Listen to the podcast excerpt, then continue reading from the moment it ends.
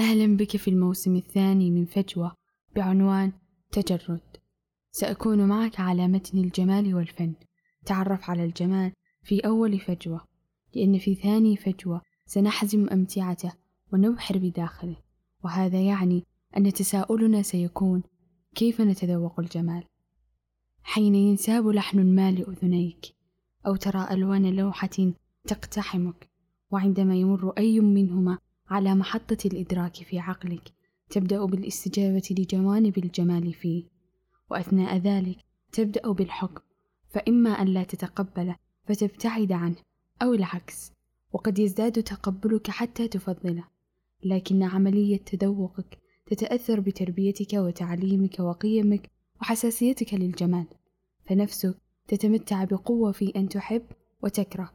وهكذا عرف فنغر التذوق. ويزداد تفضيلك بناء على الخبرة الجمالية التي عشتها. فما هي الخبرة الجمالية؟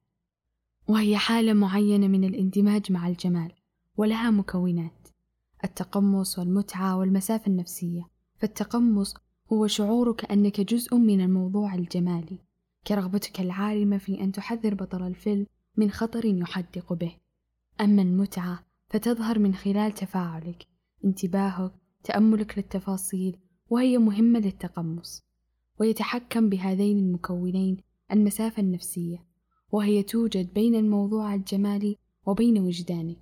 يتضمن ذلك إحساسك وانفعالاتك وأفكارك ومقدار المسافة النفسية يحدد من خلال ما تستطيعه للاندماج ومقدار ما يستحقه الموضوع الجمالي. فالأفلام الصامتة تحتاج قدرا كبيرا من التأمل وتتبع التفاصيل لتندمج وبالتالي تستمتع.